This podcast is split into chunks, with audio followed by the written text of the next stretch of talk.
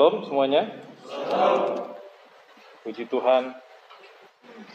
Nah, hari ini kita akan uh, baca firman Tuhan dari Yohanes 5 ayat 1 sampai dengan 8. Tema khotbah saya hari ini adalah kesembuhan yang seutuhnya atau the wholeness of healing. Mungkin yang laki-laki bisa baca ayat yang pertama dan satu, dua, tiga. Sesudah itu ada hari raya orang Yahudi dan Yesus berangkat ke Yerusalem. Yang perempuan ayat 2.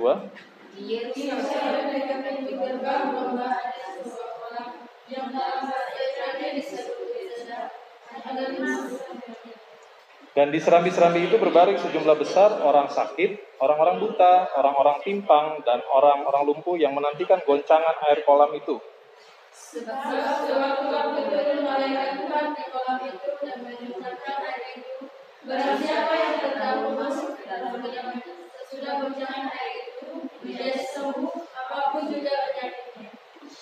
situ ada seorang yang sudah 38 tahun lamanya sakit.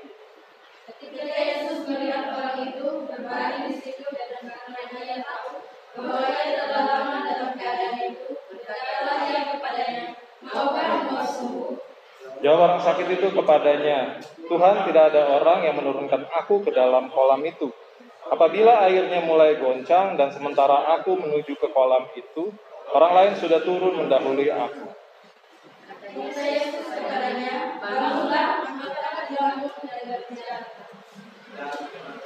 Ayat 9 sama-sama, dan pada saat itu juga sembuhlah orang itu, lalu ia mengangkat tilamnya dan berjalan tapi hari itu hari Sabat. Puji Tuhan. Saudaraku yang dikasih oleh Tuhan, hari-hari ini umat manusia dihadapkan dengan berbagai penyakit, ya. Tak terkecuali juga gereja Tuhan. Bukan berarti gereja Tuhan tidak mengalami atau tidak bisa melihat itu semua. Belum selesai penyakit-penyakit yang lama yang sudah ada, muncul penyakit baru, ya kan? Kemudian belum selesai COVID-19 ini udah muncul varian-varian baru. Dan banyak yang lain lagi. Dan gak cuma bergumul hanya dengan penyakit secara fisik, tetapi banyak orang juga bergumul dengan sakit-sakit lainnya. Seperti misalnya sakit secara materi, keuangan, pekerjaan, ya, Contohnya dengan adanya pandemi selama setahun kemarin itu juga berdampak pada krisis ekonomi. Banyak orang-orang yang akhirnya di PHK, banyak orang-orang yang kehilangan pekerjaannya, banyak industri bisnis yang akhirnya e, bangkrut, ya kan? Dan banyak orang pengangguran terjerat hutang dan lain sebagainya. Kemudian juga ada sakit secara relasi, ya. Hubungan dengan orang yang rusak, Saudara E, contohnya, misalnya ada orang-orang yang mungkin juga bermasalah dengan orang lain, nggak bisa mengampuni, kemudian benci sama orang lain. Nah, ini sakit secara e, relasi. Terus ya dia nggak suka misalnya sama mertuanya, sama menantu, sama so temannya, tetangga, saudara. Bahkan yang lebih parah membenci pendeta dari gereja lain, saudara. Dan bawaannya ini selalu mau ribut sensitif gitu karena sakit secara relasi. Dan kemudian juga ada yang sakit secara rohani.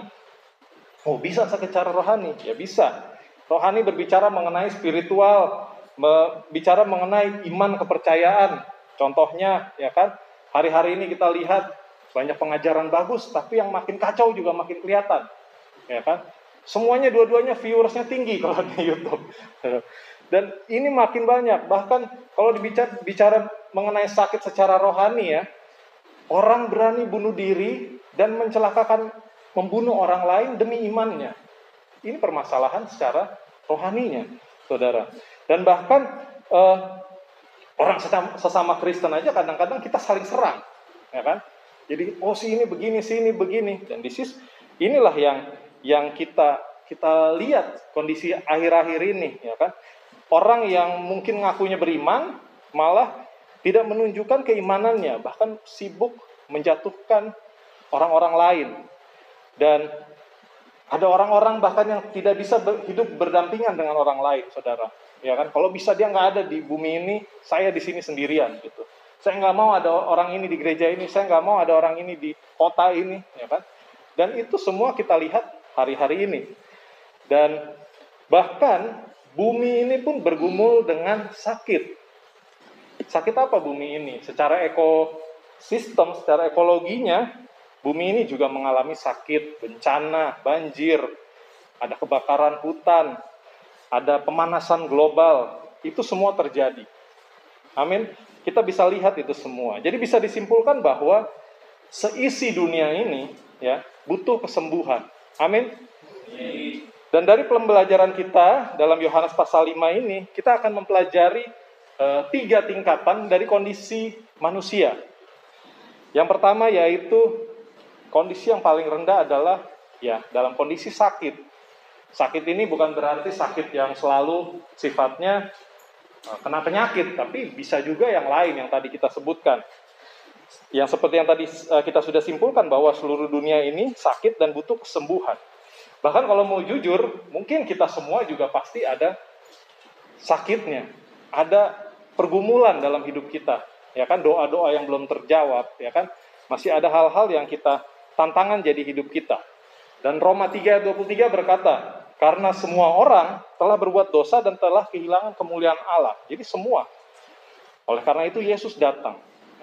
Nah, dalam ayat 1 sampai 5 kita baca kisah mengenai penyembuhan di kolam Bethesda.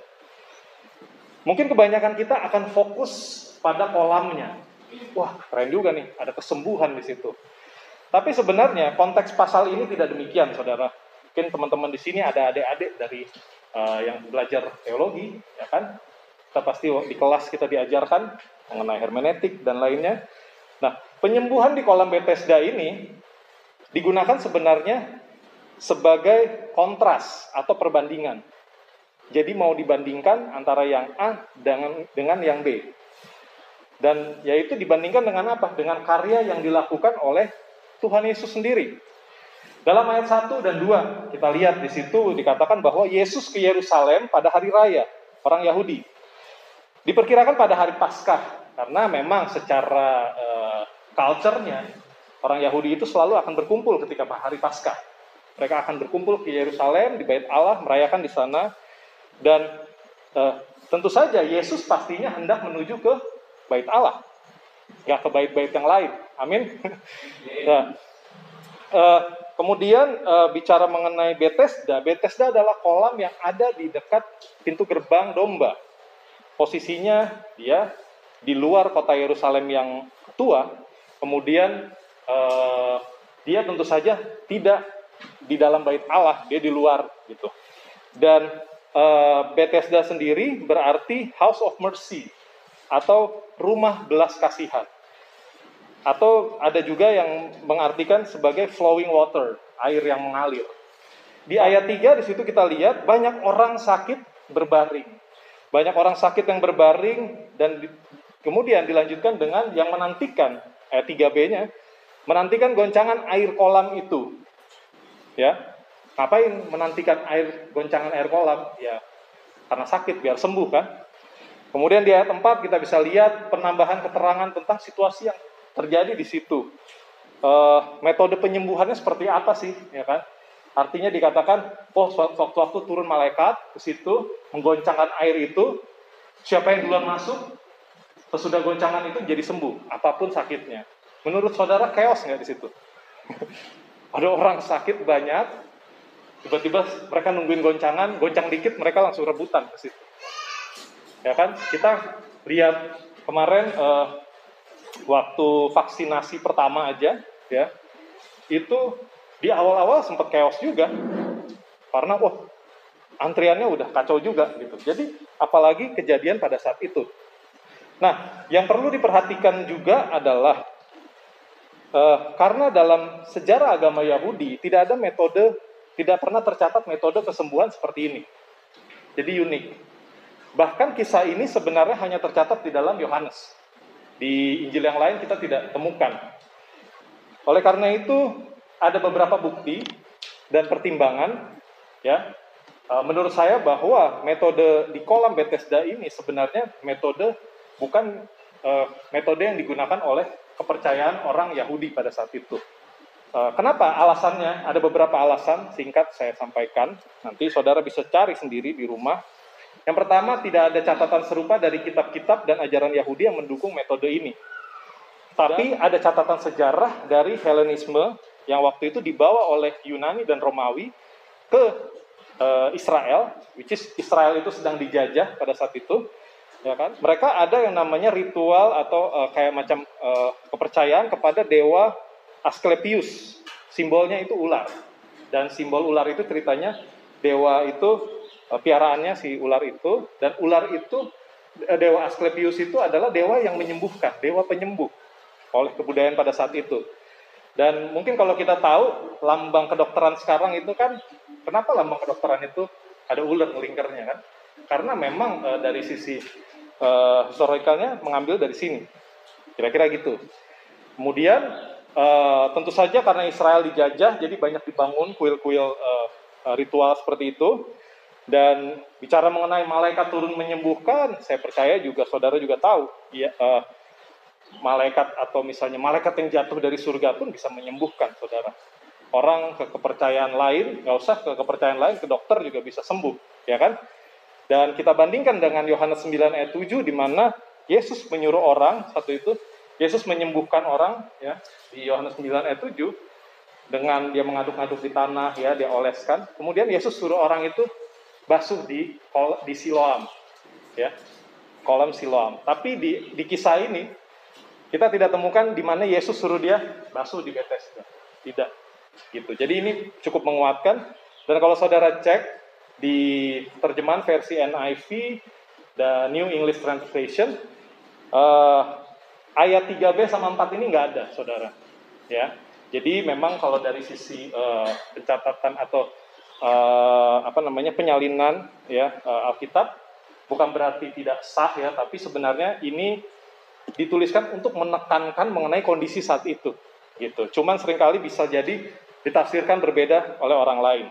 Jadi singkat cerita uh, bisa disimpulkan bahwa kondisi atau uh, yang terjadi di kolam Bethesda itu tidak ada kaitannya dengan ritual Yahudi, melainkan itu uh, bisa di bisa di uh, bisa ditafsirkan sebagai fasilitas untuk ritual Asclepsion itu. Dan guncangan yang terjadi kalau saudara lihat ya di ada ada marketnya di sejarah Israel itu itu Bethesda itu ada dua kolam satu agak tinggi satu agak rendah dan ketika uh, dari yang air yang dari yang rada tinggi turun ke yang rendah itu terjadi goncangan. Dan itulah yang dipikirkan oleh yang di, dipercaya oleh mereka itu malaikat gitu. Dan itulah yang terjadi pada saat itu. Artinya kalau bicara mengenai rumah belas kasihan ya kalau lihat dari konteksnya pada saat itu adalah belas kasihan uh, kesembuhan kepada dewa Asklepius, bukan kepada Yahweh yang dipercaya oleh bangsa uh, Israel pada saat itu. Tapi uh, balik lagi, uh, saya tidak bilang mana benar mana salah, maksudnya masing-masing bisa cek sendiri. Yang paling penting adalah kemudian kita lihat di ayat yang kelima. Ada orang yang 38 tahun sakit.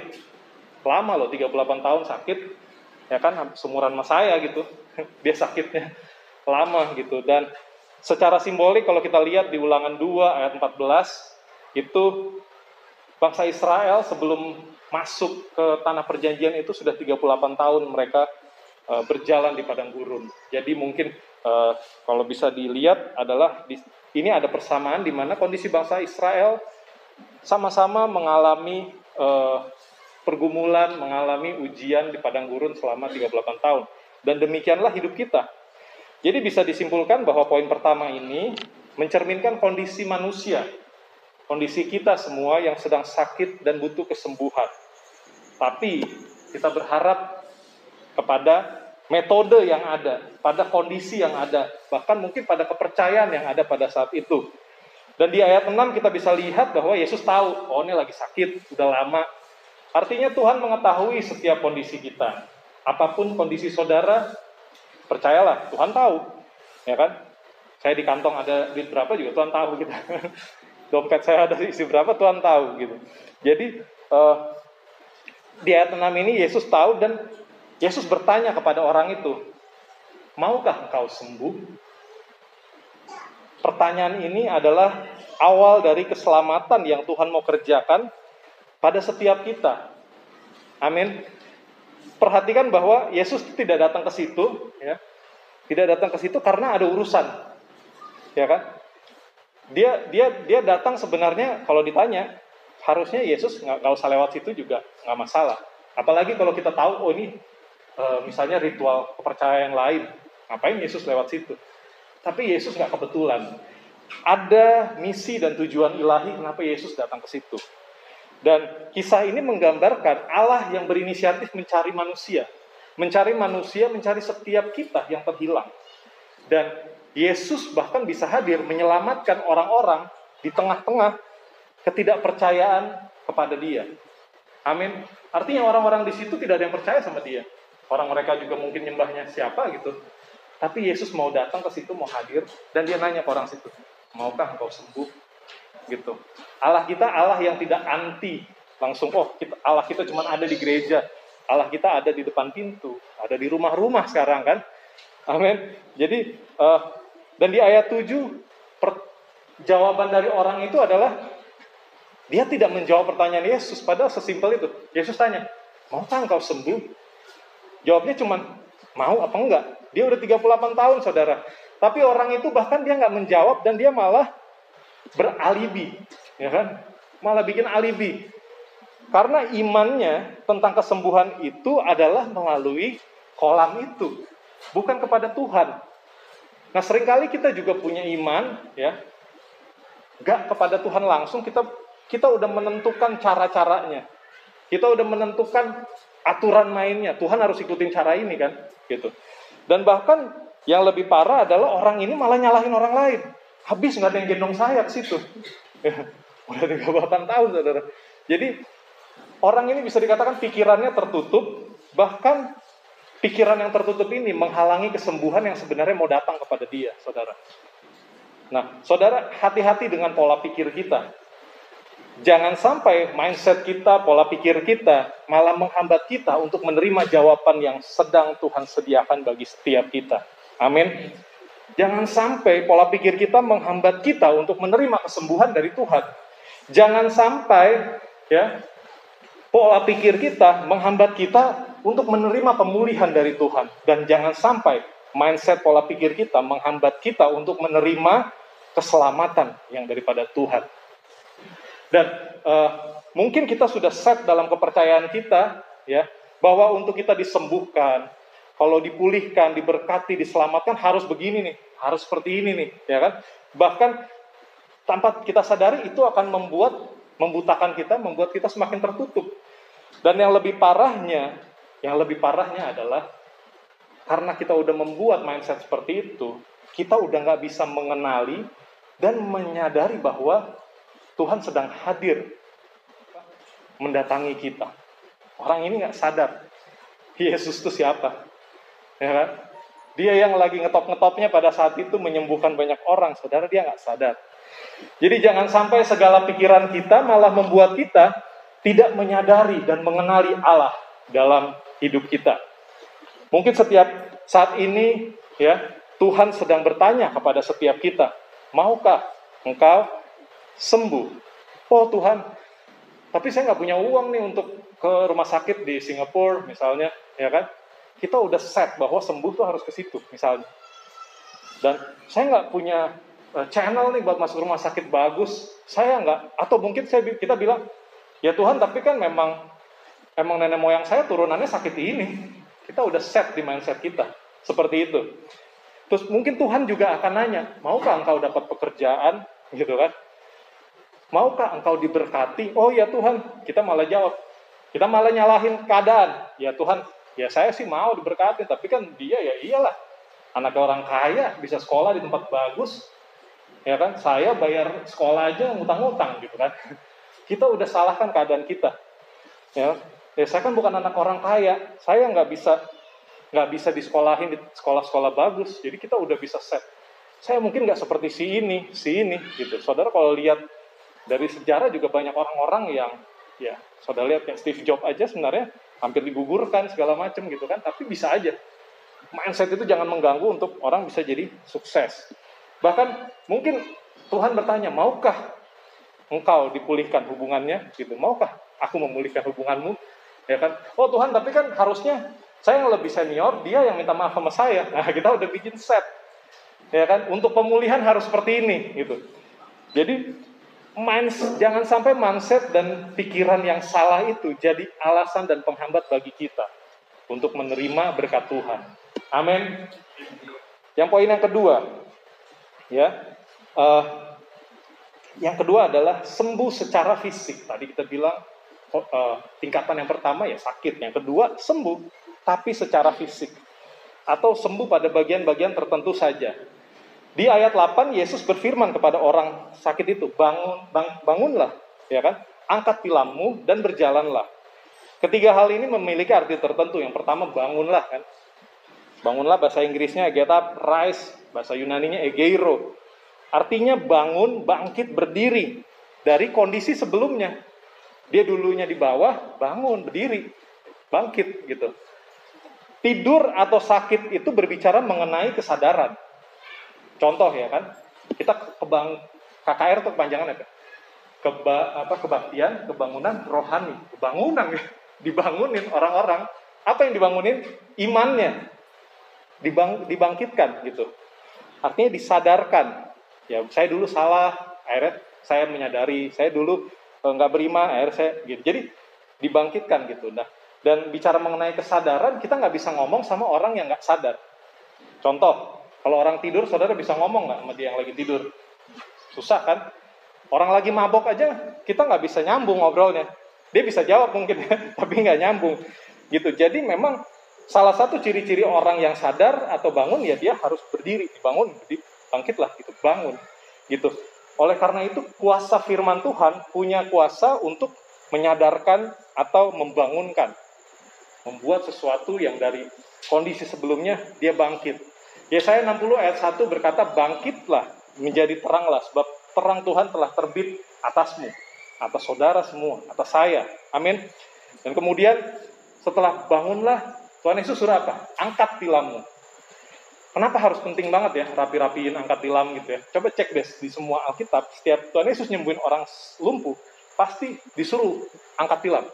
Suruh bersihin, gitu, rapi-rapi. Nah, tilam itu adalah alas atau tempat tidur bagi orang tersebut. Ya, jadi dia lumpuh ya dia duduknya di atas tilam. Terus dan ini juga berarti kenyamanannya dia. Dia udah nyaman duduk di situ. Kalau dia mungkin tempatnya batu-batu panas, ya dia bawa tilam supaya dia enak gitu kan. Dan dia udah belasan tahun, puluhan tahun duduk di situ, bisa jadi udah nyaman dengan tilam itu. Dan uh, ini berarti bahwa kenyamanan kita juga harus diangkat supaya kita bisa berubah dan mengalami mujizat dari Tuhan. Tilam ini juga merupakan bukti dari masa lalu kita atau hidup lama kita yaitu bukti bahwa kita nih pernah sakit. Ini buktinya nih, tilamnya saya pernah lumpuh, ya kan? Kalau saudara lihat di KKR ada tongkat-tongkat diangkat, ya, itu buktinya kan? Saya uh, uh, pernah sakit apa, saya kasih lihat nih suratnya nih dari dokter, saya sakit ini sekarang udah sembuh. Itu ada buktinya. Dan uh, sehingga ini juga bisa digunakan sebagai kesaksian. Amin. Jadi uh, karena kalau kita hanya sadar, kita hanya mau dibangkitkan, tapi kita tidak mau mengangkat tilam kita, dan meninggalkan kenyamanan itu, maka kita nggak bisa jadi kita akan balik lagi duduk wah enak juga di situ nyaman. Bangsa Israel keluar dari Mesir aja udah rada jauh, tiba-tiba enakan di sana Tuhan mau balik lagi, ya kan? Mereka pengen balik lagi gitu. Jadi memang itu harus disingkirkan. Dan kemudian yang ketiga, Tuhan Yesus bilang, berjalanlah. Nah ini berjalan juga penting. Bahasa Yunani-nya peripateo gitu. Dan ada dua arti dari peripateo ini, ya selain berjalan. Yang pertama adalah mempergunakan kesempatan. Jadi jalan ini juga kesempatan. Ya, saya mau jalan nih sama si Anu, itu kan kesempatan. Biladenin misalnya gitu. Saya ada kesempatan, apakah kesempatan kita untuk dipulihkan, untuk sembuh, untuk diberkati, apakah kita mau mengambil kesempatan itu? Mungkin kesempatan itu ada tapi kita tidak mempergunakannya.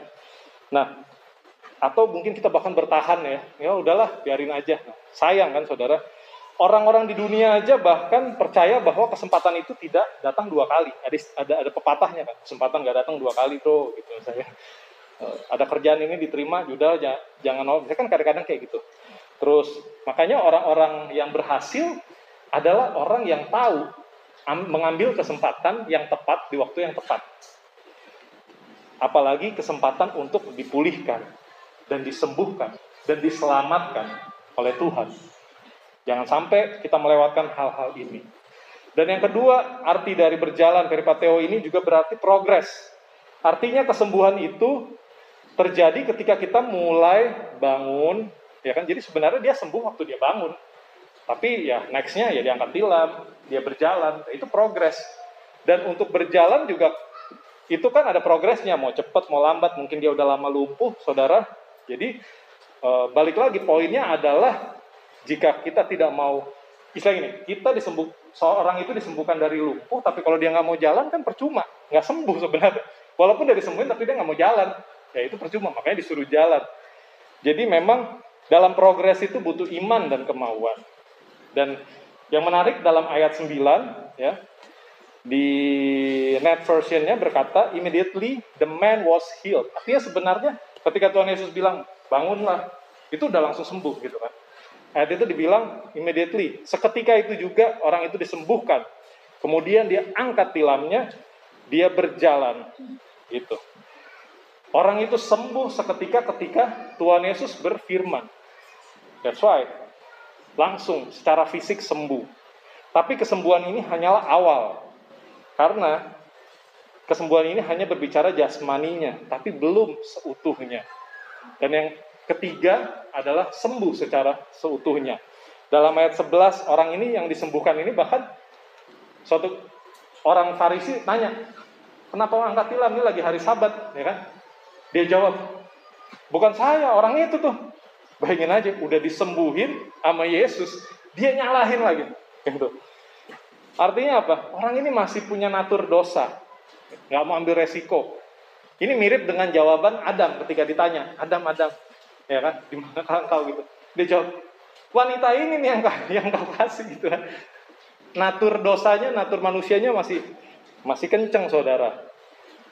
Saudaraku kadang kita sudah mengalami dan menerima berkat dari Tuhan.